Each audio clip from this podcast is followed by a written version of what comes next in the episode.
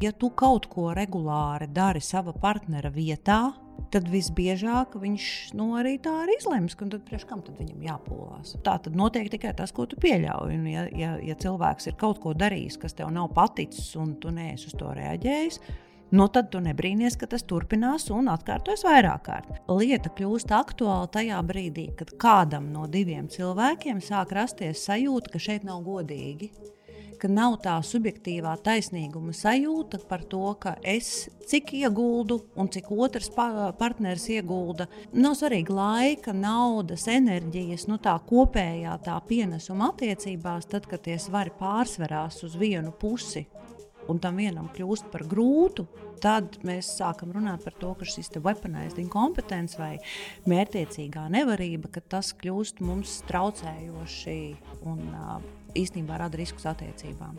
Pat tad, ja tu redzi, ka šī manipulatīvā nevarība vai mērķiecīgā nevarība, ja tas ir kaut kas tāds, ko tu pieredzi savā dzīvē, savā ikdienā, tad kritika vai pārmetumi vai uzbraucieni ir pēdējais, kas tev palīdzēs, respektīvi, tas nepalīdzēs. Ja, tas nepalīdzēs, un, un tas pats nesadzīs. Pats no sevis tas neatrisināsies, un vienīgais veids ir sarunāties, sarunāties, tādā veidā, ka otrs tevi var sadzirdēt. Un tā būtiskā lieta, pirms es eju šajās attiecībās, ir tas, ka pieaugušu cilvēku dzīvē par savu vajadzību piepildīšanu mēs esam atbildīgi tikai katrs pats.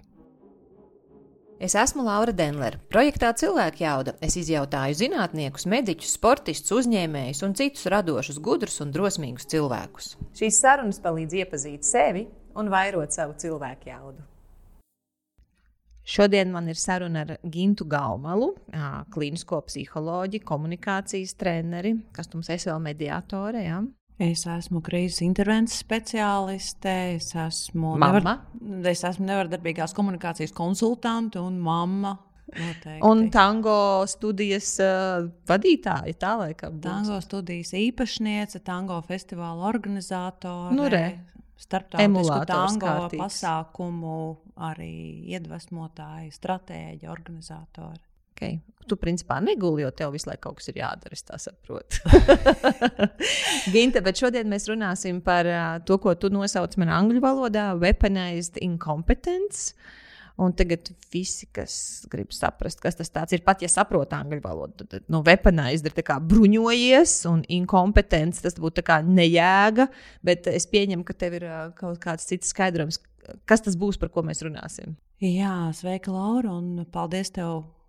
Ka piekrīt šai sarunai, piekrīt, paldies, ka uzaicināji. Un, jā, šis te weaponized incompetence, domājot par to, kā to tā skaidri latviešu pateikt, uh, Es parunāju ar vairākiem speciālistiem, mēs pārunājām, kā tas varētu būt, un tie termini ir dažādi. Tur droši vien ir vēl bez tā, ko es teikšu, ir vairāki.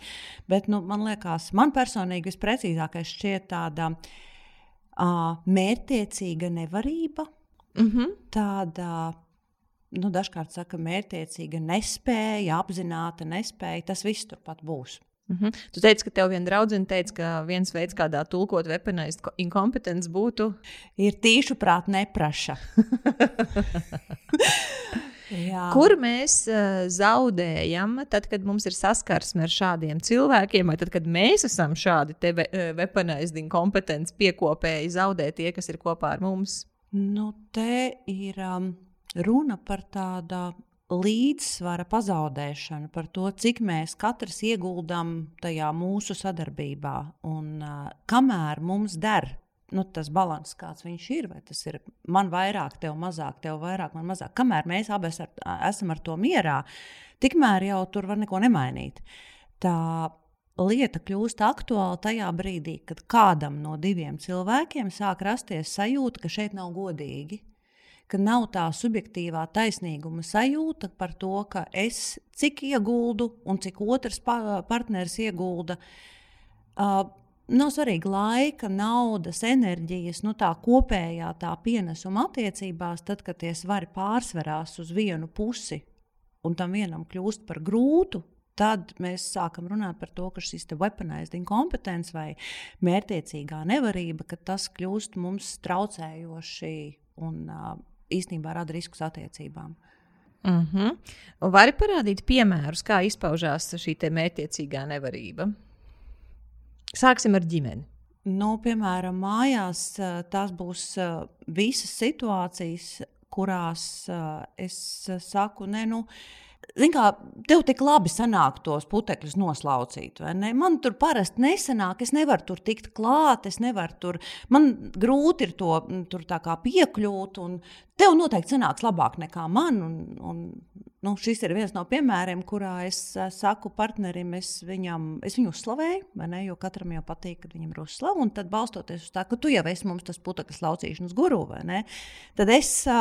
Nu, es varētu, varbūt, viņas neslaucīt. To es viņam nesaku. Es saku, man nesanāks, es nemācīšu tik labi, kā tu. Es noteikti man neizdosies. Atcerieties, pagājušajā reizē, kad es mēģināju slaucīt tos putekļus, man tur viss tie kakti palika netīri. Vai arī, zini, es patiešām nu, nezinu, ne? es nezinu, kur mums atrodas tā putekļa lupata. Un, Es arī nezinu, vai ne ar kādiem saimniecības līdzekļiem. Tas man pārāk sarežģīti tur tos, tos līdzekļus atrast. Ir. Es, nē, es to nevarēšu. Kas ir tie piemēri, ko tu redzi no cilvēkiem, kur, kur tu pamani, oh, te partneris pielieto weaponizing kompetenci? Pavisam nesen pat, kā sacīt, es arī neesmu tālu no tā. Mēs mājās spriedām par puķu laistīšanu, un es vienmēr aplēju tās puķes, un, un, un man dzīves biedrs, viņam atkal šķiet, ka nu, ir svarīgi arī tās puķes apsmidzināt, piemēram.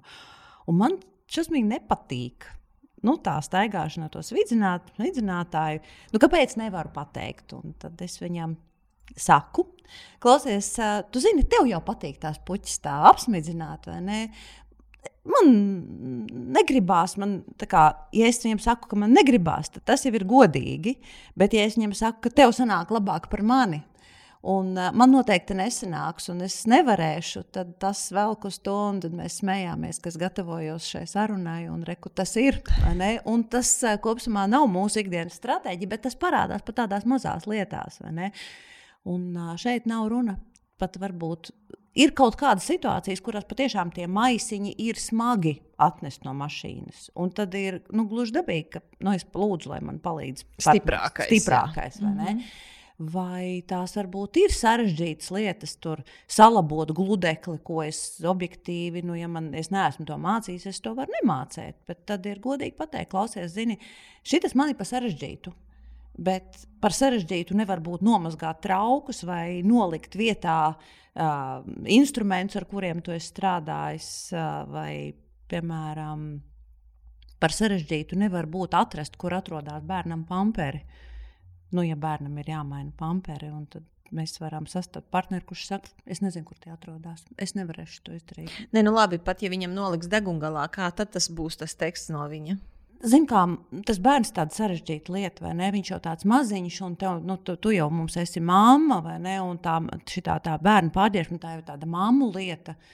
Un, uh, nu, nē, nu, es šo neuzņemtos. Man noteikti nesanāks. Es tur kaut ko izdarīšu nepareizi kur es esmu dzirdējis to sarunu par pamperiem, teiksim, tieši no vīriešu puses, vai vispār es atvainojos par kakām. Ka, piemēram, dzīvnieks ir kaut kur pietaisījis māju, ka man rauj augšā. Jā, man nevar... augšā, es to nevarēšu. Jā. Vai, nu, piemēram, klausies, vai tu vari pieskatīt bērnu trīs mēnešus vecu bērniņu?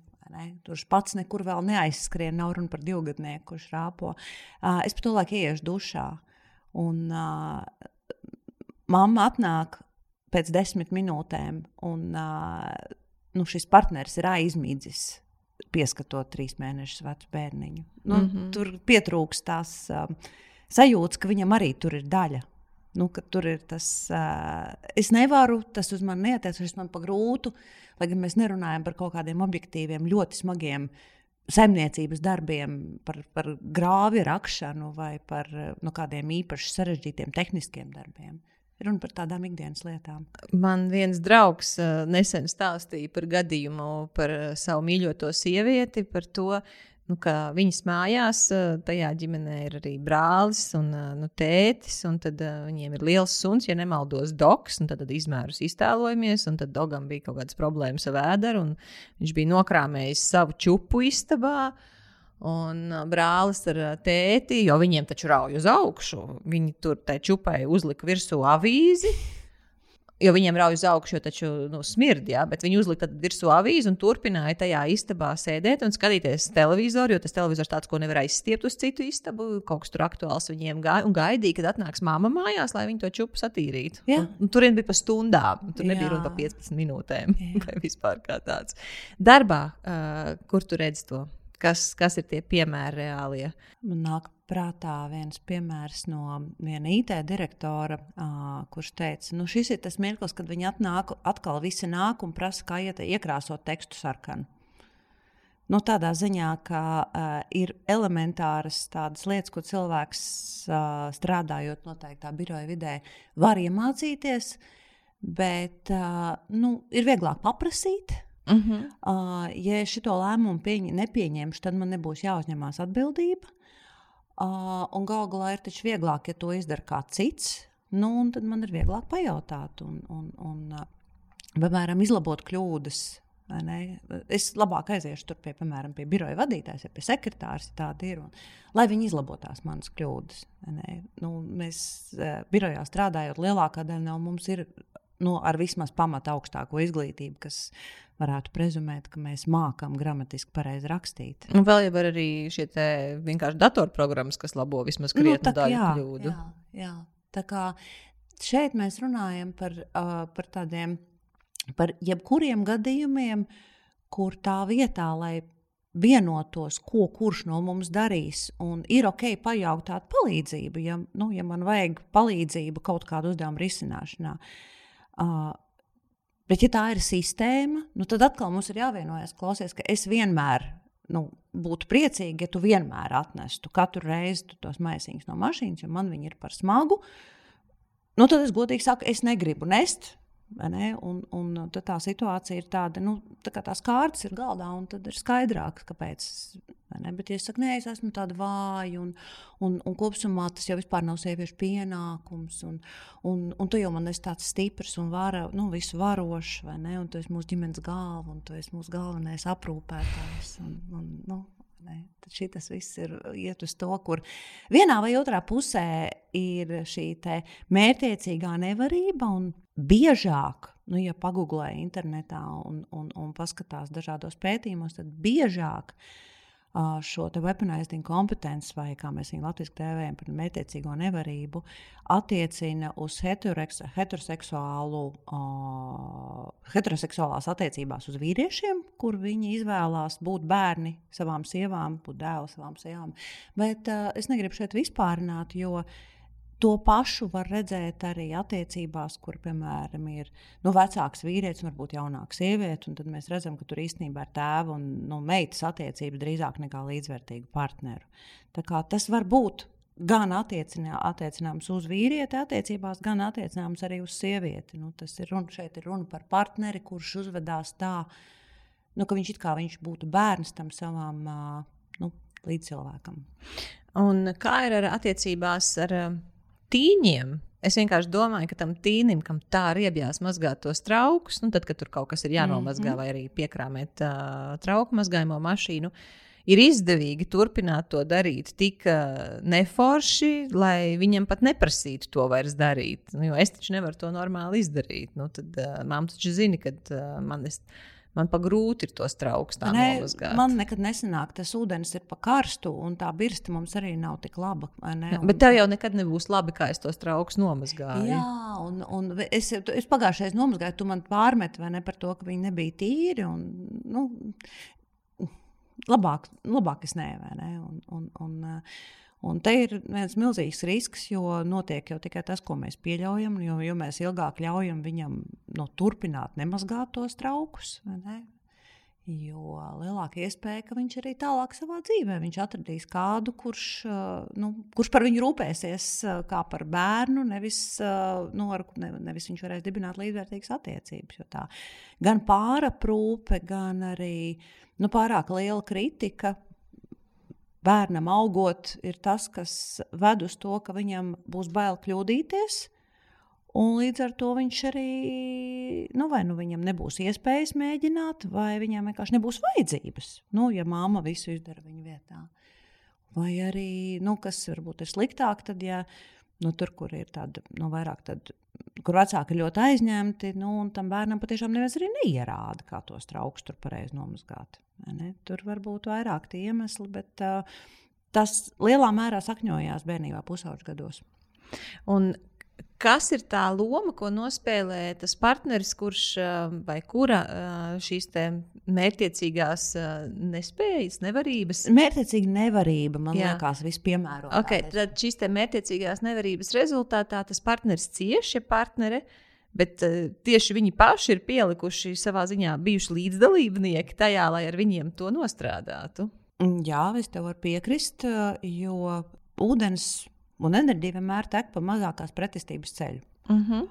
Un, nu, ja tu kaut ko regulāri dari sava partnera vietā, tad visbiežāk viņš nu, arī tā arī izlems, ka tad priekš kam tad viņam jāpūlās. Man tieši bija ar manu dzīvesbiedru saruna arī par šo pašu weaponizing kompetenci vai mērķiecīgo nevarību. Viņš teica, bet viņš saka, vīrietis vienmēr taupīs enerģiju. Ja sieviete izdara viņa vietā, tad kāpēc tam man jāpolās mīļā pasaulē? Tas labākais, nezinu, tur. Kurš nu ko makšķerēt uh, uz garāžu vai lasīt uh, labākajā gadījumā grāmatu? Ilgāk strādāt. Jā, ilgāk pastrādāt, vai ne? Un, ja, ja sieviete izdara manā vietā, viņš saka, kāpēc man jāpolās? Uh -huh. Un kas ir tas, ko, piemēram, uzņēmums zaudē šādā veidā, ja darbinieki sāk piekopt viens vai vairāk šo mērķiecīgo nevarēšanu? Man būtu drīzāk jādomā, ka tas varētu tādā organizāciju vidē, ka tas vairāk būtu atrodams varbūt nu, vairāk tādās institu institucionālās vietās, kur ir, nu, man jāsaka, tā valsts iestādēs drīzāk tur, kur ir ļoti, nu, mēdz būt cilvēkiem bail uzņemties atbildību, un tad tiek sagatavoti milzīgi birokrātijas kalni, mm -hmm. aiz kuriem man nav jāizrāda iniciatīva. Un es neapgalvoju, ka visās valsts iestādēs tā ir, bet, ja mēs domājam par, nu, par vidi, kurā organizācijā, kur organizācijā tas varētu attīstīties, tā būs vieta, kur Uh, ja mans vadītājs, piemēram, ir ļoti autoritatīvs, ļoti, mm -hmm. ļoti, ļoti, ļoti nu, stingrs tajos savos uzskatos, ka ir jādara tikai tā, kā viņš uzskata, un, un, un iniciatīvai nav vietas.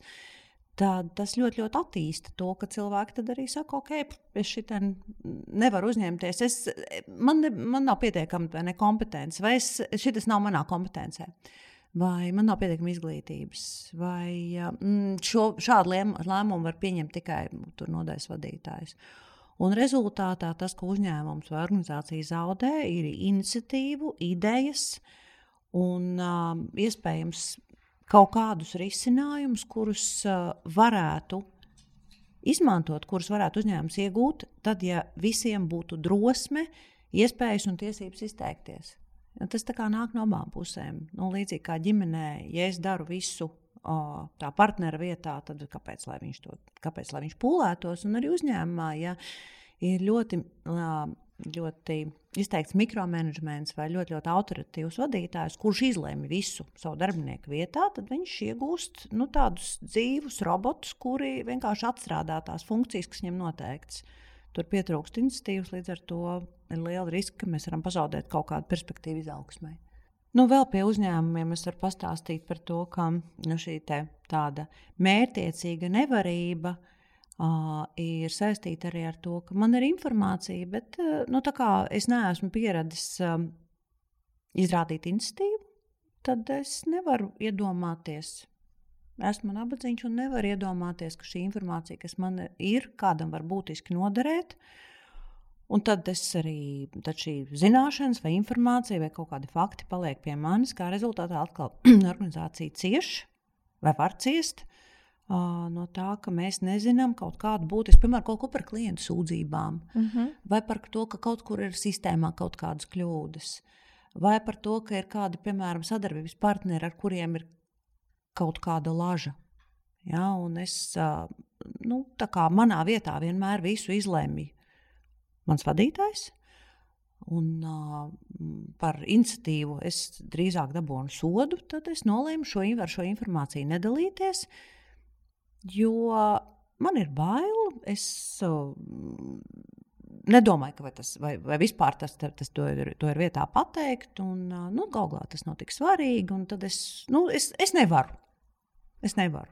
Ne? Es nevaru ar to padalīties. Tā būtība ir tajā, tā mērķiecīgā nevarība ir tā tāds vairogs vai maska. Kurā uh, aiz kuras aizslēpjoties, es uh, saku, mm, Es nevaru, esmu maziņš, esmu mazs un vājš, un neko nevaru izdarīt pats. Uh mhm. -huh. Un kas ir ar uh, lēmumu pieņemšanu, par sliktu lēmumu pieņemšanu? Jā, nu viens, kas man ienāk prātā, ir piemēram. Nu, teiksim, tādā mājas apstākļos, vai ne? Tas, ja, piemēram, kādam ir uzticēta piemēram, rēķinu samaksa, un tad viņš nu, aizmirst tos rēķinus samaksāt, vai viņš to rēķinu samaksu kavē. Un, un, un tad man ir bail pateikt, ka es to rēķinu samaksu kavēju. Vai, vai piemēram, uzņēmumā ir ļoti, ļoti, nu, ļoti līdzīgi. Ja ir, tas, ko es iepriekš minēju par to, ir klienta sūdzība, par kuru es nepasaku. Ne? Es pieņemu lēmumu šo noslēpt labāk, jo man ir uh, bail un es nezinu, kā rīkoties, un es aiz tās savas nezināšanas, kā rīkoties. Nevis es eju un saku, hei, reku, mums ir jautājums, ko mums vajag atrisināt, bet uh, Nu, es tā kā palieku tajā, ka es nezinu, kā to risināt, un es nezinu, kurienes tas pieķerties, un tas ir pārāk sarežģīti, un tad es to nolieku atvilknē, un tad tas pats. Tad par to laiku mēs esam pazaudējuši klientu vai sabojājuši attiecības ar kādu piegādātāju, vai kādā sistēmā ir kaut kāda nopietna kļūda. Bet neviens arī par to neko neuzzina, jo es esmu, es esmu nu, tā tāda pasīva lēmuma. Es nepieņemu lēmumu par to, par to informēt. Mhm. -huh. Tavs maģistra darbs arī bija saistīts ar šo te weaponized inkompetenci? Uh, ne tiešā veidā, bet uh, tā bija viena no tēmām, kas tur ļoti, ļoti parādījās. Jo mm, man maģistra darba tēma bija saistīta ar apmierinātību ar attiecībām. Uh mhm. -huh. Un, uh, tas, kur parādījās šī mērķtiecīgā nevarība, ir, bija tas, ka aicinot cilvēkus piedalīties pētījumā, uh, tika teikts, ka pētījums būs 12 minūtes. Būs jāatbild uz jautājumiem par sevi. Pētījums būs anonīms. Tātad nu, nav, nav jābaidās arī no par sevi atbildēt. Jā. Tad uh, milzīgs pārsvars bija sieviešu atbildžu Nu, bet tas jau ir diezgan tipiski. Kurš tad tev vēl tur atbildēs par attiecībām? Vai ne? Un, un uh, saklaus, par ko mēs tagad runājam, attiecībās tipiski mēdz būt divi cilvēki. Mm -hmm. Nu, jau tās būtu attiecības. Bet uh, kaut kā. Nu, joprojām sanāk tā, ka par attiecībām kā, jārūpējas ir tikai sievietēm. Un šajā nu, Saka, šajā nav pārmetumu, tā ir tāda fakta konstatācija. Man bija viens pret pieci. Tātad uz, uz vienu vīrieti man bija piecas sievietes pētījumā, kas piedalījās.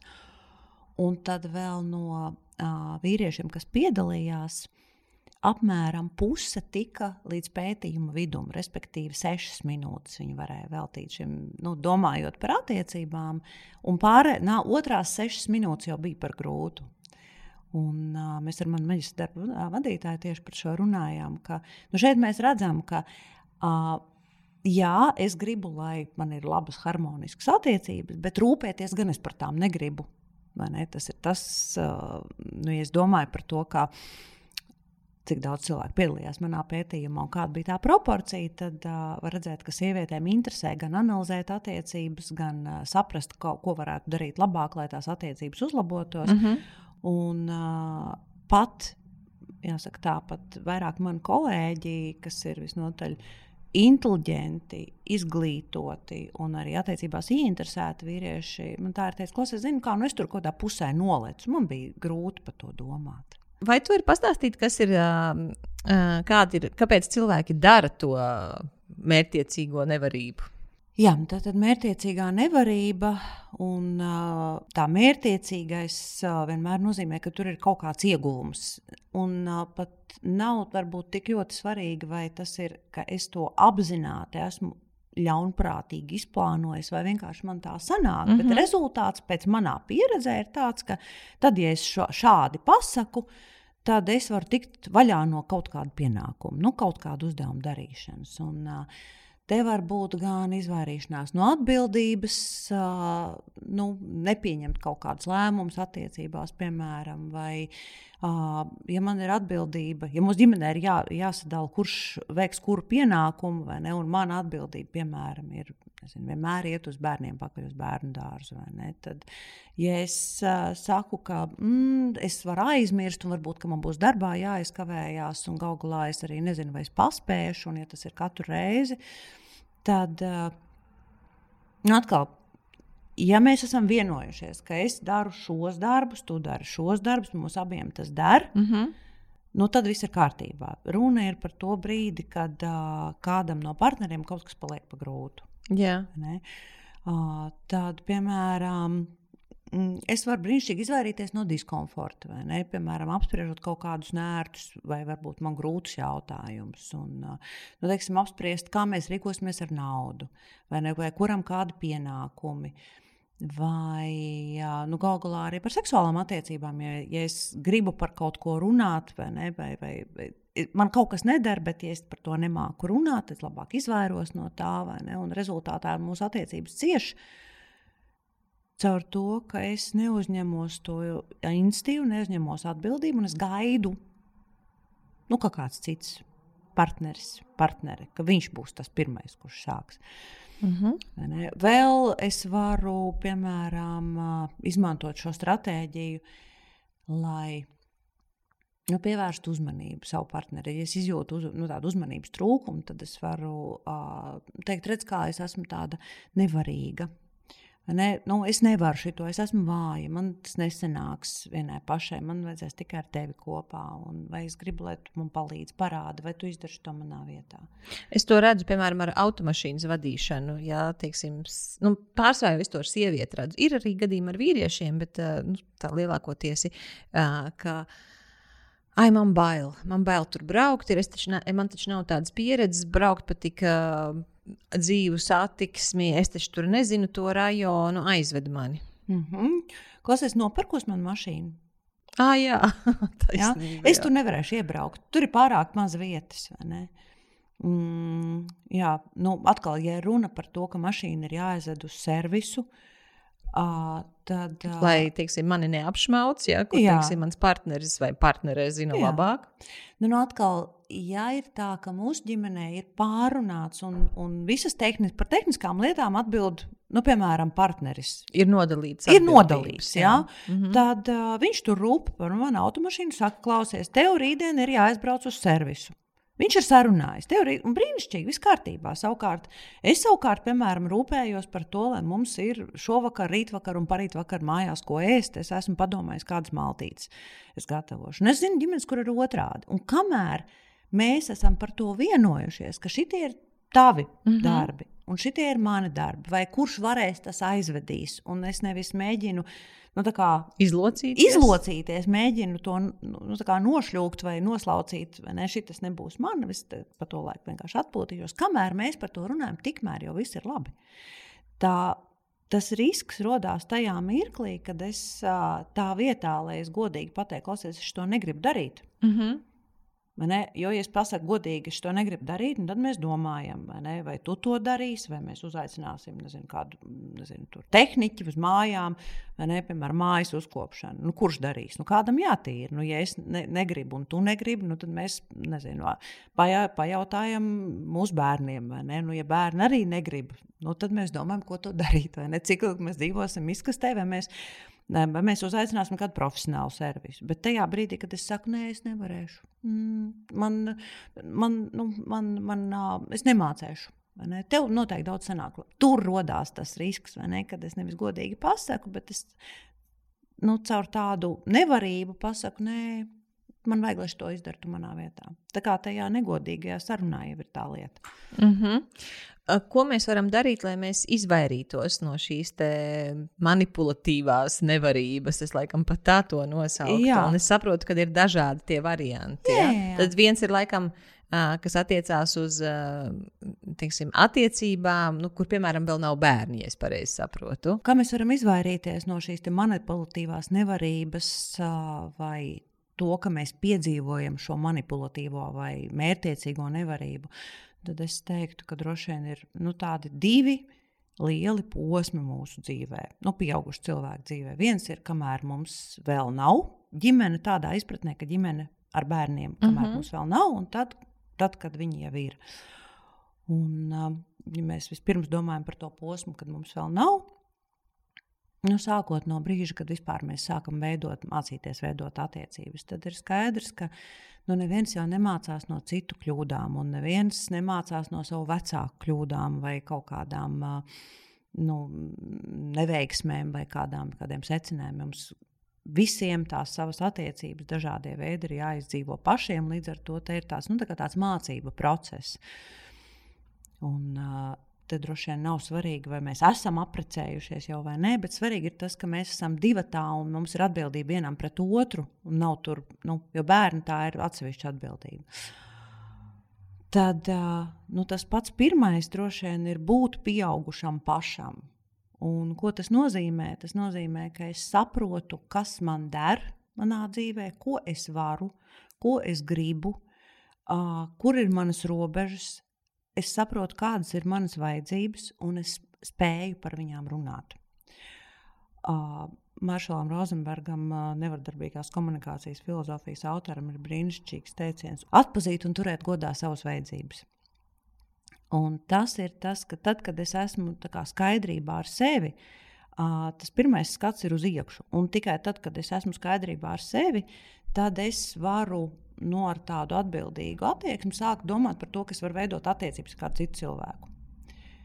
Un, uh, ir skaidrs, ka mēs šeit atkal runājam par divu pieaugušu cilvēku attiecībām, par līdzsvaru tajās attiecībās. Un, uh, tā būtiskā lieta, pirms es eju šajās attiecībās, ir tas, ka pieaugušu cilvēku dzīvē par savu vajadzību piepildīšanu mēs esam atbildīgi tikai katrs pats. Mm -hmm. Ir svarīgi, ka es dibinu ģimeni vai attiecības ar otru cilvēku nevis tad, kad man vajag, bet tad, kad es to vēlos. Respektīvi, es pa lielam varu dzīvot viens pats. Man viss labi, es tieku pats ar sevi galā. Bet ar otru ir interesantāk, ir foršāk. Mēs varam nu, kaut ko foršu kopā veidot. Uh, Un tas man liekas, ir tas kriterijs, kad eh, mēs varam ielikt to pamatu tam, lai, man, lai ar šo partneri es nesastaptos tajā weaponized kompetences lauciņā. Ne? Kad es esmu pašpietiekams, otrs cilvēks arī ir pašpietiekams. Mēs spējam tikt katrs pats ar sevi galā, Bet tā mūsu kopdzīve mums ir kaut kas tāds foršs papildus vērtība. Nevis mēs kompensējam viens otru grūtības. Nevis es ar tevi dzīvoju kopā, tāpēc ka man vajag. Es, es bez tevis netikšu galā, bet es ar tevi dzīvoju tāpēc kopā, ka tas, tad, kā, kā es jau tāpat tieku galā, tu vēl dod papildu foršumu manā Jā, dzīvē. Nevis tāpēc, ka man vajag, bet tāpēc, ka es gribu. Tāpēc, uh -huh. ka man patīk ar tevi būt kopā, bet nevis tāpēc, ka man vajag. Es varu par lielam dzīvot arī viens pats. Un tas ir. Nu, droši vien ir daudz autoru un daudz viedokļu par to, kad ir laiks vai kad nav laiks dibināt ģimeni. Bet šis ir tas mirklis, kad es saprotu, ka šis, man, manuprāt, ir viens būtisks kritērijs.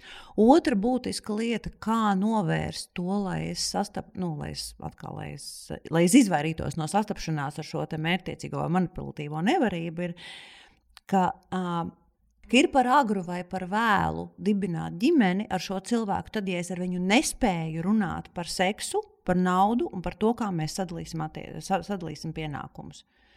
Ne? Ir, varbūt, ka ir par agru. Nu, tāpēc, ka mums vēl ir rozā brīnums, mums mēs nespējam objektīvi izvērtēt, ne, kāds ir tas otrs cilvēks. Bet varbūt ir jau par vēlu, kad mēs jau esam, nu, tā tās attiecības ir jau pāraugušas, mums jau ir kaut kādas nepiepildītas gaidas vienam pret otru, mums ir vilšanās. Un tad, kad es jau vairs nevaru ar viņu par to run, parunāt, nu tad varbūt arī var par vēlu. Ja? Tā būtība ir tajā, ka mm, mēs ejam uz līdzvērtīgu partneru attiecībām, un tā ir tā atslēga. Un te ir atkal, kā jau vienmēr, nekad nav ļoti vienkārši, īpaši jaunos gados, ir ritīgi svarīgi ņemt vērā to, ka sievietes nobriest ātrāk. Kā, teica, kā mums teica arī Nikita Bezbarodovs vienā no tavām uh, epizodēm par to, ka estrogēnu veidošanās ķermenī stimulē neokorteks attīstību. Respektīvi, sievietes nobriest ātrāk, tāpēc ka viņas uh, potenciāli tajā brīdī, kad viņām sākās mēnešais, viņām var būt zīdainis, viņām var būt bērns, un viņām ir jābūt nobridušām ātrāk. Un līdz ar to mēs redzam, to, ka ir jaunākas meitenes, drusciņi vecāki džeki, nu, tādā pusauģa gadu vecumā, un tur tas ir ok. Ne, jo viņi, nu, tie puiši ir nu, mazliet vairāk nobrieduši. Bet tad, kad ir šīs te mātes un dēla attiecības, tur, kur pārim ir mazliet pāri pa 30, tur tas nu, vairs nav ok. Tur, kur tā sieviete ir nu, pieaugušāka un viņa dzīvo kopā ar vīrieti, kas varbūt ir viņas vecumā vai varbūt mazliet vecāks, un joprojām tās attiecības ir. Nu, viņš ir kā pusauģis puika, vai ne? Tur iedējot uz bāra lietas, kas ir fini, vai ne? Bet, ja mā, tajā brīdī uh, sieva ir mājās ar zīdaini, vai ne? Vai, kā teica viena mana draudzene, uh, manam bērnam bija trīs dienas, es pamodos mājās viena pati ar savu bērnu, jo mans vīrs bija aizgājis mazgāt laivu. Mm. Es zinu no, saviem, no sava draugu loka arī tādus stāstus no dāmām, ka uh, tā, nu, tiešām foršas, uh, gudras sievietes, un viņas saka, ka, tu zini, vienā brīdī es piefiksēju, ka viņš no manis sagaida, lai es esmu mamma, kas viņu apuišo un vēl guļ ar viņu. Mm -hmm. Kur ir manas zeķes? Jā. Kur ir mans apakšbiks? Jeb arī tas, ka tas cilvēks nu, nepiedalās mājas darbos, ne, ne, nu, nav līdzvērtīgs partneris. Jo noslēpties, piemēram, ir darbā. Nu, tas tāds tipiskākais Jā. ir. Nu, daži noslēpjas varbūt hobijos, piemēram, intensīvi gatavojās kaut kādām savām sacensībām, un tad tā sieviete uz sevi iznes to visu smagumu, tur malku skalda, dārzu laista, nu, kas ir tomēr liela slodze. Šajā manā pētījumā kas bija saistīts ar, tad, ar to, ko pāri kopā dara un kā tas ietekmē viņu apmierinātību ar attiecībām. Tad nu, tā šodienas realitāte joprojām ir tāda, ka sievietēm ļoti lielā mērā uzlabo apmierinātību ar attiecībām, tad, ja viņu partneris piedalās mājas solī. Respektīvi, ja viņš ar viņu kopā, piemēram, gatavo ēst, uzkopja māju, darbojās dārzā, sievietēm tā ir ļoti, ļoti būtiska lieta. Mm -hmm. nu, šeit mēs varam runāt par tendenci. Es nesaukšu procentus, ja, bet, bet tā tendence ir tāda. Savukārt, vīriešu apmierinātība ar attiecībām ļoti lielā mērā ir saistīta ar to, ja, viņ, ja viņa sieviete ir gatava ar viņu iet tur tajās laivās, tur tajos hobijos, būt ar viņu kopā kādās sacensībās, respektīvi iet ārā. Būt nu, sabiedrībā redzama. Būt sabiedrībā redzama ar, ar šo vīrieti kopā. Un, kas ir vēl interesanti, ka fakts, ja sieviete ir apmierināta ar attiecībām, ļoti lielā mērā uzlabo apmierinātību ar attiecībām arī viņas partnerim. Tad ir tas angliskais teiciens, happy wife, happy life. To droši vien ir vērts ņemt vērā, ka tajā brīdī, nu, ja es gribu līdzvērtīgas, foršas un abās pusēs, nu, abās, abas puses apmierinošas attiecības, tad atcerieties to, ka nu, katram no mums tās svarīgās lietas tajās attiecībās var būt savādākas. Un, un, ja man ir svarīgi, lai tu esi, man kā sievietei ir svarīgi, lai tu esi ar mani kopā arī tajā mājas solī, nu, droši vien jau, ka mūsdienu sabiedrībā neviens vīrietis vairs nenoģīpst, ja viņam palūdz nezinu, pieskatīt zīdaini vai nomainīt bērnam pamperi. Nu, kaut kā viņš to izdarīs tāpat laikā, vai nezinu, tur nomazgāt traukus. Bet tā, tā pamata tendence joprojām tāda ir, ka nu, tiem mājas solis ir vairāk sievietēji, un, un, un nu, vīrieši piedalās. Ja vīrieši piedalās mājas solī, tas ir vairāk tāds, nu, tā kā, oho, pasties, redz, kā viņiem ir līdzvērtīgi. Un man drusku skumji par šo domāt, jo man apkārt ir pietiekami daudz ģimeņu, kurās ir tās līdzvērtīgās partnerattiecības, kur mēs vienkārši vienojamies. Kur nezinu, mans dzīves biedrs taisa brokas, tad es pēc brokastīm nomazgāju traukus. Vakariņas taisu es, trauks nomazgā viņš. Nu, kas ir tāda, nu, nav tā, ka kādam no mums ir kaut kāds pienākumu lokus vairāk.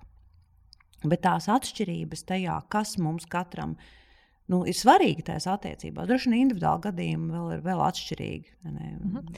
Es domāju, kāda loma ir arī naudai, jo tās sūdzības, ko es esmu dzirdējusi no vīriešiem, ir, ka nu, teiksim, viņa karjerā vai viņa tajā nodarbē, ar ko viņš pelna naudu, ir kaut kādi griezti. Nu, teiksim, cilvēkam nu, nav iespējas tur pelnīt vairāk naudas. Jā. Un, uh, nav arī tā, ka varētu atrast uh, drīzumā citu darbu.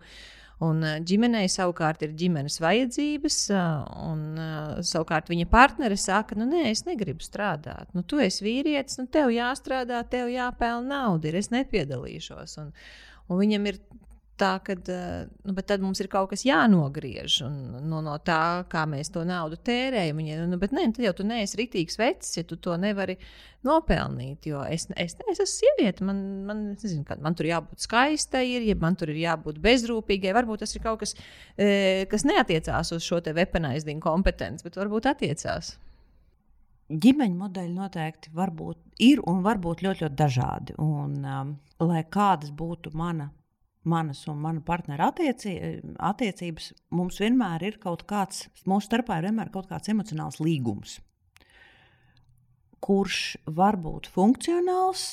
Un viņš var būt arī nu, tāds ļoti nu, nefunkcionāls. Respektīvi, mums katram īpaši atsevišķi neizdevīgs. Bet nu, kaut kāpēc mēs dzīvojam kopā, jo man iespējams ir kaut kāda uh, manu emocionālo vajadzību dēļ man ir vajadzīgs, ka man blakus tur ir tāds, eh, nu, ka es izjūtu to savu partneri kā dēlu, vai ne, tad es par viņu rūpējos, vai, vai kā viņš atkal izjūt mani tur kā, kā meitu, vai ne, restīvi tie, tie uh, modeļi var būt ļoti dažādi, un noteikti varbūt arī vēsturiski ir bijis modelis, kurā vīrietis strādā un sieviete nestrādā. Un, ja tas tajā ģimenē der, kamēr tur nav pārmetumu, tikmēr jau nu, atkal, tas līgums ir tāds, un viņš tā, tādā veidā funkcionē. Bet, um, mm, ja mēs runājam par līdzvērtīgām attiecībām, tad atkal ir jautājums, ko es ieguldu un ko es dabūnu pretī. Un, uh, ja man neder tas veids, kā mēs sadarbojamies, un ja man, piemēram, tāda paša naudas ir par maz, un ja es gribu nu, dzīvot savādāk, tad, nu, tad es domāju, ka viens no variantiem ir, ka tu ej un meklē veidu, kādā veidā tu pati vari to savas vajadzības piepildīt, jo pieauguši cilvēki dzīvē par savu vajadzību piepildīšanu mēs esam atbildīgi mēs paši. Bet, savukārt, ja es izvēlos stratēģiju pārmest partnerim par to, ka viņš pelna pārāk maz, vai pārmest partnerim par to, ka viņš kaut kā ne tā funkcionē, tad nu, šis ir viens no, tie, vien, viens no tiem ceļiem, kas var aizvest uz šo weaponizing kompetenci, jo uh, kritika un pārmetumi ir pēdējais, ko ir vērts un liederīgi izmantot attiecībās. Jo pilnīgi nevienam cilvēkam visā pasaulē nepatīk, kad viņam norāda, ka viņš dara nepareizi. Un um, atkal no tādas nevardarbīgās komunikācijas viedokļa, uh, tad, ja es savu vajadzību uh, izsaku kā pārmetumu, tu man neklausies, vai tu ar mani nesurunājies, vai tu man nepalīdzi, tad uh, tā vietā, lai es teiktu, klau, zini, uh, mums ir šeit vajadzīgs apspriesties, kādā veidā mēs šo risināsim. Man šeit ir vajadzīga palīdzība. Ne? Uh, tad, ja es to izsaku caur pārmetumu, caur uzbraucienu, caur kaut kādu birku, tu, tu, tu esi sliņķis vai ne, tu esi darba holiķis, tad faktiski ar šo pārmetumu, vai šo kritiku, vai šo uzbraucienu mēs īstenībā aiztaisām vispār durvis uz to, lai, ot, lai tas otrs cilvēks vispār būtu gatavs un gribētu mani klausīties. Jo viņš manī ierauga apdraudējumu, nu, un tad no tādā brīdī kad mēs izjūtam apdraudējumu, tad mums ir divas pamata limbiskās reakcijas - uzbrukt vai bēgt. Un tad uh, viens variants ir tu pati. Pasties, kā tu izskaties, un vispār māja netīra, ja, un, pasties, un, un, un, un bērni vai ne, vēl nav, nav, nezinu, vēl nav nomazgāti, vai ne, un vispār kurš man vakariņas uztaisīs, vai arī vīrietis norākās darbā vēl vairāk. Un, tā vietā, lai sieviete būtu dabūjusi šo sarunu un varbūt kaut kādas situācijas risinājumu, viņa vienkārši aiztaisa tās durvis ar šo kritiku un pārmetumu ciet pavisam. Mm. Um. Vai mēs varam ķerties klāt uh, tam, ko darīt attiecībās, kas ir svarīgas cilvēkam, un kur partneris vai partneri izmanto šo weaponizing kompetenci, mm -hmm. un kā tad ar viņiem komunicēt, un uh, kas ir tās lietas, ko darīt, un tu vari arī rādīt, ko labāk nedarīt, lai teiksim, cilvēki nepieļautu kļūdas. Nu jā, tad mēs iepriekš izrunājām, ko darīt, kad uh, nu, man joprojām ir variācijas iespējas, nu, tādas brīvākas variācijas iespējas. Nu, es varu notīties. Nē, ja man bērnu nav, tad es principā nu, es no, no jebkurām šīm attiecībām ne emocionāli, bet nu, tā organizatoriski ir iespējams iziet vieglāk. Mm -hmm. Līdz ar to tajā brīdī, kad mums ir bērni, kopīgi īpašumi, kopīgi biznesi, protams, ka tā uh, situācija ir grūtāka un sarežģītāka. Un, uh, pamanīt, kad kaut kas nedara, ir viens, viena lieta, pieņemt lēmumu, ko ar to darīt, ir nākamais punkts. Un pēc tam, kad tu to lēmumu pieņemsi, tad izdarīt vēl kaut kādas izmaiņas, ir vēl trešais sarežģītais punkts, jo tā sistēma kopumā ir ļoti liela un sabūvēta jau tā kā nu, caur to, kā mēs ar tevi esam sadarbojušies. Tomēr, ja es, ja es savā attiecībās pamanu, ka man nu, paliek slikti. Vienalga, vai tas būtu, ka man jūtu besi, vai man uh, sāp galva, vai man vienkārši nu, es redzu, ka man nepatīk tas, kā tas notiek, vai, nu, pasargājos, es sāku slimot, man sāk rādīties murgi, ka es krītu aizā, ko tikai cilvēki nestāsta mm -hmm. šādā situācijā. Respektīvi, ķermenis un uh, iekšējā sajūta vai zarnu sajūta signalizē, hei, šī kaut kas nav ritīgi. Kā ir tas vecais teiciens, ka, ja tev liekas, ka kaut kas ir jāmaina, tad tev neliekās. Ne? Un, un tad uh, Mm, nu tad, ja nu es esmu tik tālu nodzīvojis, ka ir tā, kā ir, ir šobrīd tā, kā man nedara. Nu, ir skaidrs, ka kaut kādā brīdī es kaut kur to savus iepriekšējos mājas darbus varbūt neesmu izdarījis vai kaut ko esmu palaidus garām. Un tur jau es nevienu citu nevaru vainot. Nu, es esmu, nu, tā tad notiek tikai tas, ko tu pieļauj. Un, ja, ja, ja cilvēks ir kaut ko darījis, kas tev nav paticis, un tu neesi uz to reaģējis, tad nu, tad tu nebrīnies, ka tas turpinās un atkārtojas vairāk kārt. Bet, nu, labi, ja mēs pieņemam, ka ir tas brīdis, es tagad saprotu, man vai nu man regulāri sāp galva, vai man ir parādījušās migrēnas, vēders sāpes. Es novājēju, pieņemos svarā, man sāk sirds klapēt. Nu, dažna, dažādas ķermeniskas reakcijas, jebkas, kas signalizē, nu, ka nav labi. Nu, tad pirmais jautājums atkal un atkal ir par to savu, kā tas atkal aiziet pie tās poguļa un nu, pašam ar sevi tikt skaidrībā, kas man der, kas konkrēti man patīk, kā es gribētu, lai būtu, kas ir manas vajadzības, ko es esmu ar mieru pieļaut, ko es neesmu ar mieru pieļaut, un vai man ir ok ja tas uh, mans vīrs tur tajās viesībās tur ķiķina ar citām sievietēm vai nē, vai man tas der vai neder, un ja man iepriekš tas derēja, nu tad šobrīd es, man liekas, ka tas ir daudz, tad tas arī punkts. Nu, tā kā saprast, okay, kā ir šobrīd. Mm, attiecībās ir atkal vecais joks par to, ka Uh, vīrieši cer, ka sievietes nekad nemainīsies, un sievietes cer, ka vīrietis kaut kad mainīsies. Un, uh, joks, joks, vai ne? Bet uh, Nevienas attiecības jau nesākas ar to, ka ir slikti uzreiz, jo tad jau mēs tās attiecības nedibinām. Vienmēr visās attiecībās kaut kas jau sākumā ir forši. Un varbūt pat viss ir forši. Bet tieši tāpēc, ka mēs uh, mainamies, mēs attīstāmies, katrs varbūt druskuļi savā tempā, katrs pieredze, mums ir kopīgas pieredzes, mums ir atsevišķas pieredzes. Tad ir tajā brīdī, kad es saprotu, o, oh, man zvana zvaniņi, galvā zvana zvaniņi, kaut kas te nav rītīgi tad atkal aiziet pie spoguļa un saprast, kā ir šobrīd. Nevis kā bija tad, kad es iestājos šajās attiecībās. Jo tajā laikā es biju cita, man droši vien bija citas vajadzības, citas vēlmes, citi priekšstati. Es kaut ko vispār nezināju, nesapratu, citu mugursomu, kā saka man draugi. Un, uh, tad, kad es tieku galā un skaidrībā ar sevi pašu, tad es varu saprast, nevis kas man nepatīk, bet mm -hmm. kā es mhm. gribu, lai ir. Mm -hmm.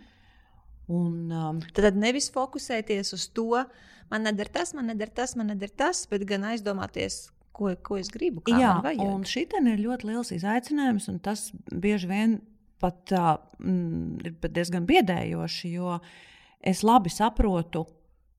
Nu, ka man nepatīk tas, es, tas, ko es tagad redzu. Es varu uzskaitīt visu, kas man ir. Jā, bet grūti man rodā, man grūti man paliek tajā brīdī, kad man jānoformulē, bet labi, bet kā tad es gribu, vai kas ir tā mana vajadzība? Un tas atkal man gribās citēt to pašu Rozenbergu, kurš saka, ka mm, ļoti daudzi no mums nav mācīti domāt savu vajadzību kategorijās. Un īpaši mēs, kas gājām skolā padomju laikā. Ne, mīļā pasaulē, ja tu, te, ja tu domā par savām vajadzībām, tu biji egoists. Ir jādomā par to, kārtīgi. vai ne? Tu, da, tu, tev ir jādomā par to, kas ir kolektīvam, kas tur citiem svarīgi. Un tādā veidā, pie kam tas nav tikai Padomju Savienībā, jo Rozenbergs jau, nu, kā mēs zinām, bija Amerikā. Arī viņiem, acīm redzot, tajā laika posmā bija kaut kas tas par to, ka citi ir svarīgāki un es esmu, nu, es, es pēc tam. Un tas rezultāts ir tāds, ka uh, es esmu daudz gatavāks rūpēties par citu cilvēku vajadzībām, bet savas es pat baidos nosaukt. Un tā kā es nemāku domāt savu vajadzību kategorijās, tad tad, ja man ir slikti, tad automātiski es domāju, ka vainīgi ir citi. Uh -huh. Kurš viņš vai viņa kaut ko nav izdarījuši pareizi? Viņi ir tie, kur ir jāvaino pie tā, ka man neiet tā, kā man gribētos. Un rezultātā mēs pat nenonākam līdz tam, kas ir īstais iemesls. Jā. Tas ir apmēram no tās sērijas, ka pietaisa bikses un vaino citus, kas smird. Jā, vai ne? vai teiksim, nu, viņš pret mani slikti izturās. Bet nu, mēs jau vienmēr esam interakcijā. Un tā kā, kā mežā sauc, tā atskan nu, vecais latviešu karmas likums, vai ne? Ko sēž to pļausi? nu, lūk, līdz ar to tā savu vajadzību, savu vērtību, savu robežu, gan zināšana, gan spēšana viņas korekti, cieņpilni nosaukt, mm -hmm. ir vispār izējas punkts, lai es vispār varētu domāt, kādā veidā arī tajā brīdī, kad man ir ģimene, ko tad tālāk darīt, kā veidot attiecības ar otru cilvēku. Tad nu, nākamais punkts ir, tad, kad es esmu ar sevi skaidrībā, Tad, nu, vecā, labā, nevardarbīgās komunikācijas četru soļu metode. Mēs iepriekš veselu epizodi ar Jā, tevi. bet man liekas, ka šobrīd arī ir vietā. jā, jā, jā nosaukt faktu, par kuru es gribu runāt. Mm -hmm. Tātad, kas tas ir? Kas ir fakts? Tas ir, nu, es redzēju, es dzirdēju. Nu, šeit tas pašlaik notiek. Ne? Un, ja tā ir mana sajūta, nu, par to mēs arī attiecībās varam runāt, bet tad es nevaru teikt, ka tu, uh, tu, tu man neklausies. Vai ne? Tu man necieni. Bet es varu teikt, zini, iespējams, es kļūdos, bet man ir sajūta. Un tagad es gribu to vienkārši ar tevi saprast, kā tas ir. Respektīvi, mēs varam runāt arī par tādām netvaramām lietām, bet tad es nevaru apgalvot, ka tas ir fakts. Mm -hmm. Es tikai nu, man kaut kāda tāda sajūta ir, ka kaut kas te nav rītīgi. Mm -hmm.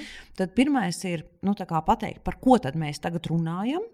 Un pēc iespējas neitrāli Un nevis par to, vecais labais, par to, ka tu atkal no, nenomazgāji traukus, vai ne? Bet, zini, kā es atnāku un es redzu, ka tie trauki šeit izlietnē ir un tā izlietne ir pilna, vai, ne? vai tā kaka tur uz grīdas ir un apklāta ar to avīzi, vai ne? Un, un tas ir tas fakts, vai ne? Tādā teikt, un zini, kā nu, tas man dara bažīgi, vai es par to es jūtos noraizējusies. Teikt, kāda ir tā mana emocija, kāda es par to šo, sajūtos. Un, uh, atkal runāt par sevi un pēc iespējas nu, atkal bez uzbrukuma. Tāpēc, ka tiklīdz mēs otram cilvēkam uzbrukam, mēs mazinām iespēju to, ka tas dialogs varētu sanākt. Jā. Tas tā kā ar to kritiku. Ja es pasaku, ka tu esi drāņķis, tad tu tajā brīdī, nu, vai nu tu man saki pretī, tu pats tāda, vai ne, vai nu tu. Vai nu tev apsāpās sirds, un tu aizej, nu, aiz, kā mūsu vecāka aizcer durvis un aizej projām. Mm -hmm. Tad Respektīvi, pirmais ir fakts, Otrais ir emocija, kā es par to jūtos. Uh, un tālāk, trešais ir tā mana vajadzība. Ne? Tā tad uh, es redzu, ka šeit ir tie netīrie trauki, un uh, zinu, tas man dara bēdīgu. Es jūtos par to, par to, par to ļoti, ļoti apbēdināti. Jo man ir ļoti svarīgi, nevis lai tu nomazgā traukus, Bet kas ir man svarīgi? Par mani, par manu dzīvi, par, par manu pasauli, par manu to kārtību.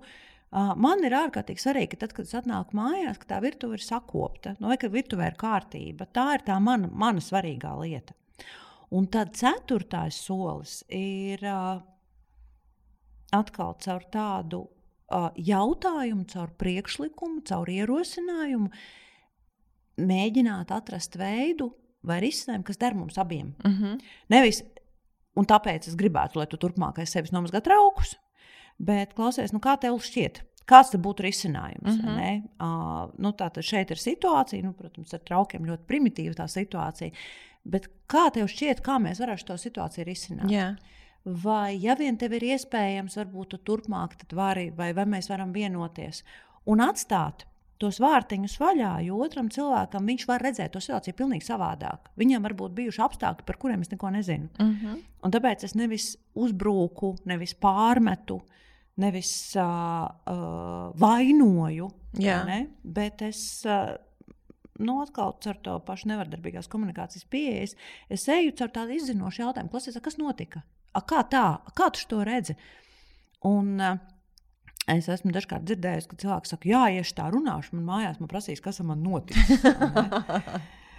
Un, uh, Ko tur sarījies? Jā, vai ne? Kas tev smadzenes Tu noteikti esi bijis uz kādām mācībām. Jā, jā, jā. Bet tā, no otras puses, tad, ja es to nevis tā mehāniski, bet ja es patiešām gribu noskaidrot, klausies, kā nu, nu, mēs bijām vienojušies kaut kā nu, vienā veidā, tagad tas ir šādi. A, Klausies, kas notika, kas bija? Un nepieņemt, ka es zinu, ka otrs speciāli vai ka viņam ir vienalga. Ka viņš mani neciena. Vai ka viņš man tīšām. neciena, vai ka, viņam, mm vai ka viņš grib, lai es, tevis, ka, ka, lai, lai es aiz viņu novācu. Un tad, ja mēs nepieņemam, ka mēs zinām, ko tas otrs domāja vai darīja, tas atstāja atkal to situāciju, nu, tādu, kur mēs varam apspriesties.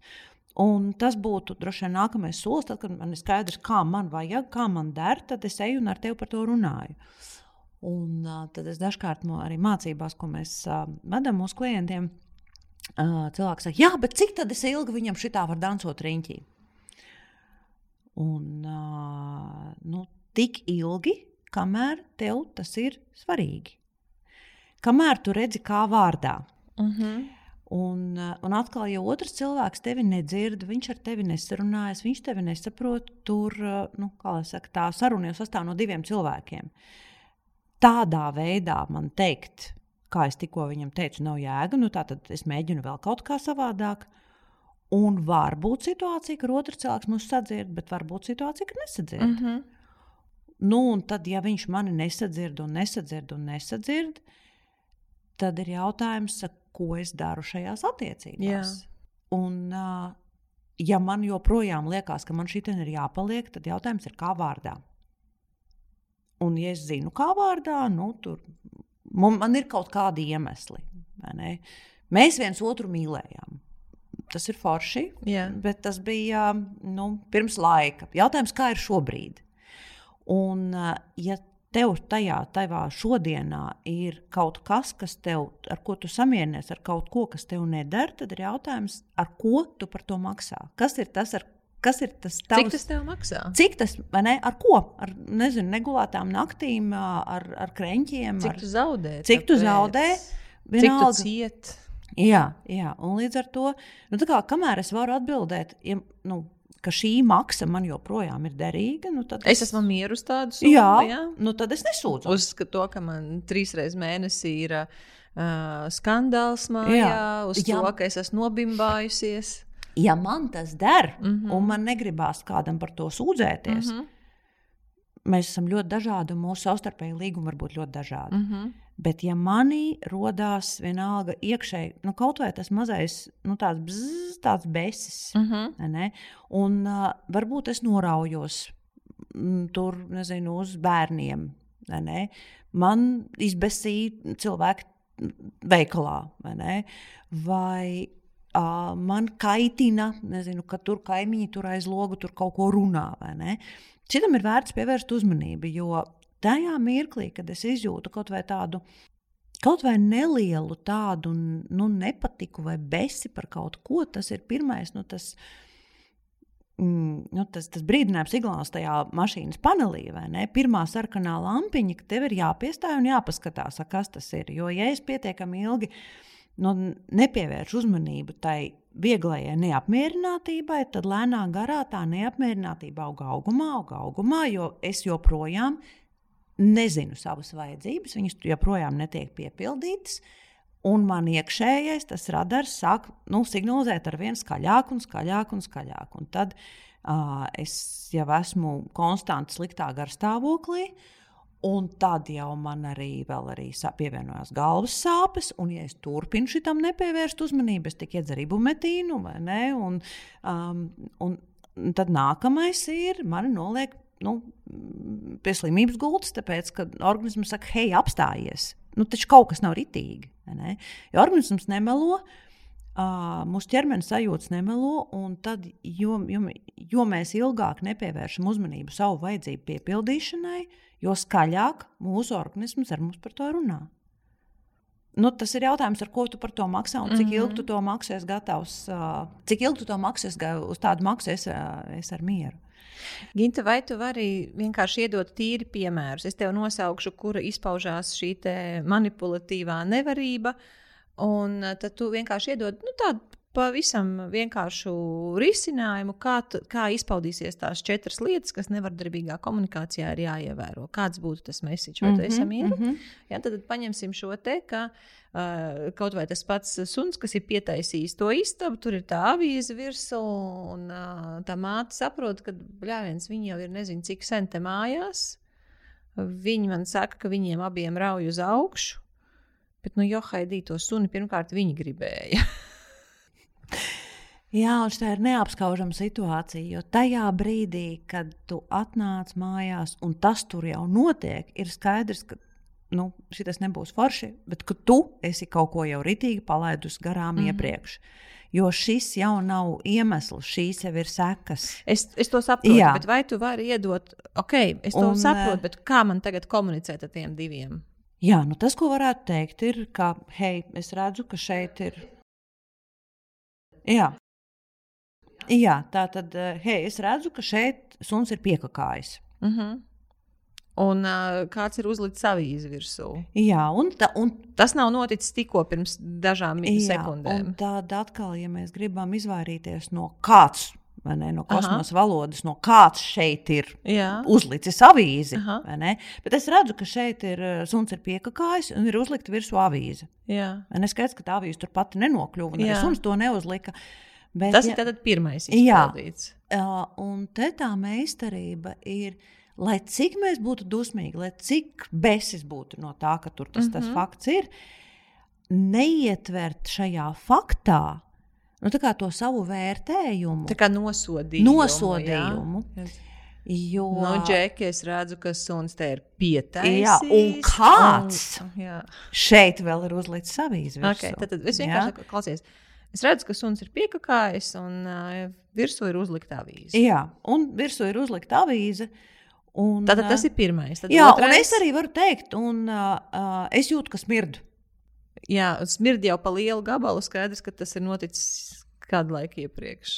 Vai arī es redzu, ka tur jau garoziņā, es jau atvainojos visiem par detaļām. Jā, tad es redzu, ka šī tā ir. Ne? Nākamais ir emocija. Aha, tagad man jārunā par savu emociju. Un šeit bieži vien atkal mācībās mēs diskutējam par to, ka cilvēks saka, es jūtos dusmīgi. Uh mhm. -huh. Un, uh, emocijas ir svarīga lieta, emocijas ir svarīgi atzīt un par viņām runāt. Tas, ka, bet, bet tas, ko ir būtiski atcerēties, ka dusmas ir tā tāda mūsu pirmā reakcija, aiz kuras var noslēpties daudz citu nianšu. Un mana pirmā sajūta, es, es jūtos sadusmojusies. Jā. Lai gan patiesībā es varbūt, un to mēs tikai katrs pats varam saprast, vai es jūtos vīlusies. Mhm. -huh. nu, par to, ka nu, bāz nu, nopietni Es atnācu mājās, es nu, gaidīju, Nogurusi, vai ne, piekusos. Es domāju, ka te būs forši vai ne. Vilšanās ir tas mirklis, kad man bija gaidas, kuras nepiepildījās. À, to, tas, ne, tas, ne, tas nebūs ieteicams. Ja? Nē, nu, skaties, bet e, es varu, vai ne? Ja mēs mājās dzīvojam, es varu būt fantāzijā, ka es atnākšu mājās un tur būs kārtība. Nu, bet, piemēram, es to māju iztīrīju pirms tam. Jā, es taču no rīta visu atstāju saktu, lai man vakarā nākot jā. mājās, man būtu forša māja. Jā, es rēķinājos, man, man, man bija gaidas, ka te būs tīrs, vai ne? Vilšanās. Uh, vai arī uh, nu, varbūt es izjūtu, es jūtos nu, bēdīga. Uh mhm. -huh. Tāpēc, ka es šeit biju ieguldījusi darbu, un tagad tas ir saķēzīts. Nu, man bēdas ir par to. Uh, vai varbūt es izjūtu bezpalīdzību? Nu, nu, es teiktu, tā. Man vienkārši nolaižas rokas. Jā, un tas ir bezpalīdzība. Tas, tas, tās ir visas ļoti svarīgas emocijas. Mm -hmm. Un skaties, ja tu teiksi, ka es jūtos dusmīga, tas uh, visdrīzāk nu, cilvēkam ļoti bail no citu cilvēku dusmām un tolerēt citu cilvēku diskomfortu un dusmas mums ir ļoti grūti. Mm -hmm. Ar to, ja tu teiksi, es jūtos dusmīga, nu, tad iespējams, ka tu saskaršos ar pretdarbību. Jā, kādu. savukārt, ja tu runā par savām emocijām, zini, kā es jūtos vīlusies, vai es jūtos nobēdājusies, vai es jūtos nu, nu, izmisusi. Vai ne par to, ka bija tīrs un tagad ir netīrs. Un runāt par emocijām ir ļoti, ļoti cilvēcīgi. Un tu kā druscītiņi paver to nu, durvis uz to savu dvēseli un saki, zini, kā nu, es jūtos ļoti bēdīgi par šito. Man ļoti sāpīgi ir to redzēt.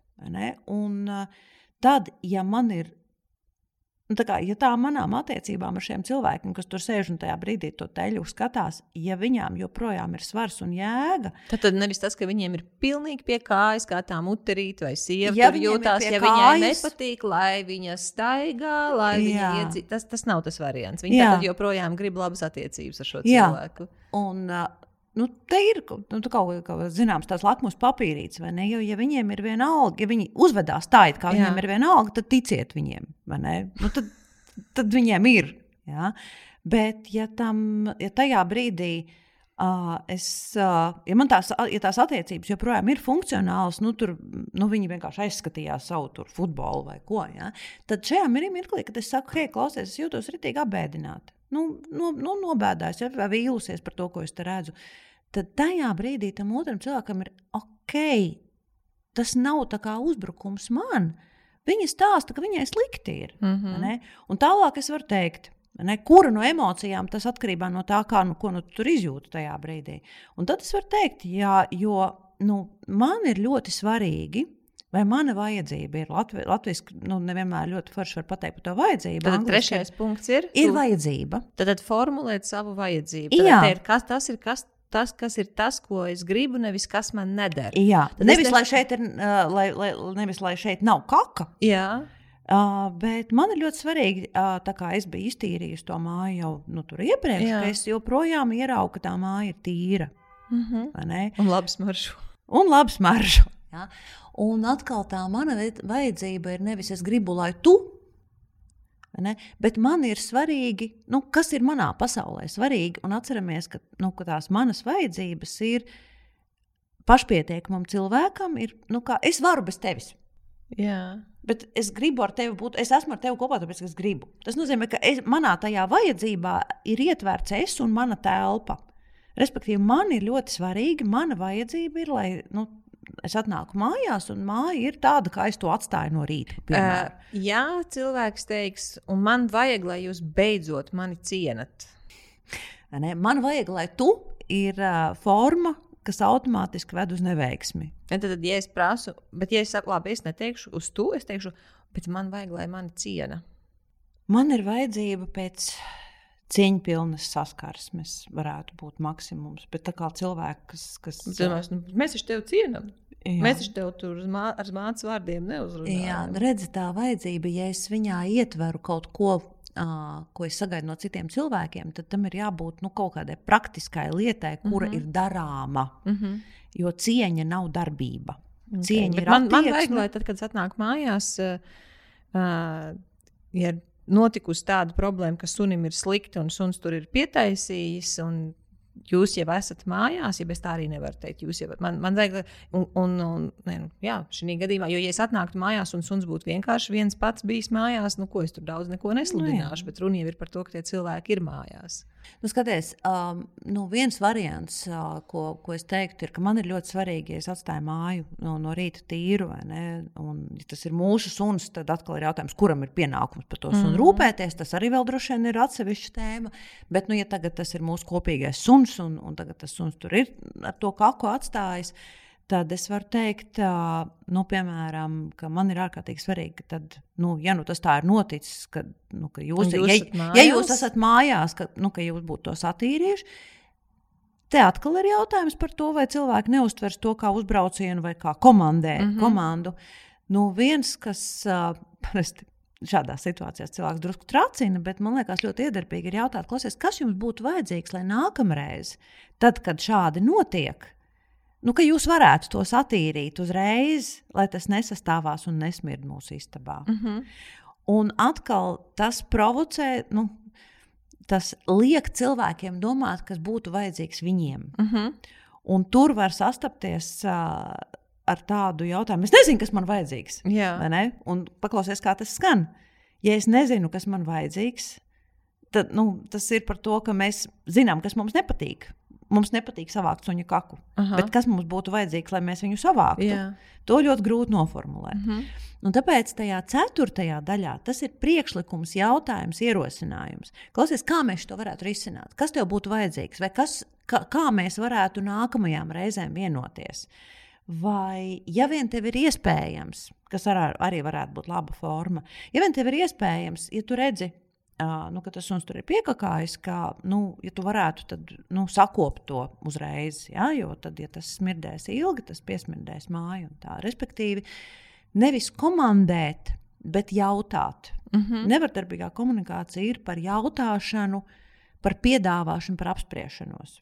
Man, uh, mums nesen bija saruna ar Dāciju Renci uh, par uh, to, kas ir uh, saistībā ar uh, emocionāli nu, veselu cilvēku komunikāciju, vai lai būtu tie cilvēki emocionāli veseli. Un tad viens, viens no tādiem paņēmieniem, ko viņi teica, tāda īsā formula bija par um, tu lūdzu vai tu pavēli. Un tā doma ir tāda, ka nu, izvēlies to pasniegt formā, kas ir vairāk kā lūgums Vai nu, sarunāšana, jā. bet nevis pavēle. Tad tas nu, būtu arī šī sarunā. Tad tas, ko tu aicini, ir pieskatīt, lai šeit nav pavēle. Lai šeit nav komandēšana. Tā kā jūs te vienmēr būtu savākuši. Jā, jā. Nu, es pat teiktu, pat vairāk ierosinājums, uh mhm. -huh. jautājums. Uh mhm. -huh. Kas tev būtu vajadzīgs? Jo atkal es varu nezināt miljonus apstākļu, kuru dēļ tas iespējams varbūt nebija iespējams. Jā. Varbūt tas suns tur sēdēja blakus un nieza zobus un, un, un neļāva, A, piemēram, sakostu viņus. Jā, ne, nu, labi, tā ir tāda druskuļa traka fantāzija. Jā, jā, bet, nu, bet mēs nezinām, iespēja, kas ir tie apstākļi vai kāpēc tas tā notika. Mm -hmm. Un um, angļuiski tas teiciens, jump to conclusions. Mm -hmm. Mēs pasteikties ar secinājumiem. Jā, mēs uzreiz metamies secināt, viņi bija slinki. Jūs un... mani necienat. Jūs esat slinki un man necienat. Ne? Bet varbūt neskaitāmi daudz dažādu apstākļu, mm -hmm. kuru dēļ ir situācija šāda. Un tāpēc atkal ar to nevardarbīgās komunikācijas prizmu mēs jautājam, mēs pētām, mēs mēģinām saprast, kas bija. Un uh, mēģinām vienoties, paturot prātā, ka otrs cilvēks ir līdzvērtīgs sarunu partneris. Respektīvi, tā empātija un ne, man nepatīk lietot vārdu nekomandēšana, bet droši vien tas ir piemērots šeit. Tā tad ierosināt, jautāt, stāstīt par sevi, uh, pateikt, klausies, nu šis man rītīgi apbēdina. Es jūtos, nu, nu ko vārds, es jūtos ļoti vīlusies. Mm -hmm. nu, un, un tas ir cilvēcīgi.